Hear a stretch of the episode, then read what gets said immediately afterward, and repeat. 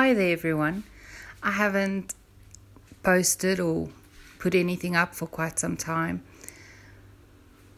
I just have been listening to some Afrikaans music in my car lately and been thinking about how we love people and how difficult it is to see them go through difficult times or times where they need to question things in life.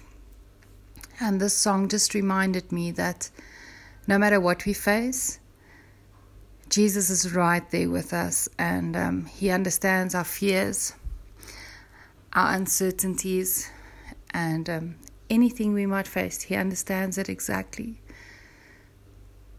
Ek lê jou by Jesus se voete neer. Hy ken jou twyfel jou vrese en jou se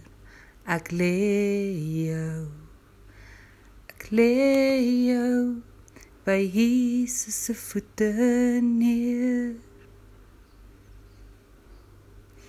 so when you're facing someone go through a difficult time and you don't have the answers the best thing to do is just lay them down at Jesus' feet because he knows He knows them inside out. Ek lê jou by Jesus se voete neer. Hy ken jou twyfel, jou vrese en jou seer. Ek lê jou Ek lê jou by Jesus se voete neer. Go out and be blessed.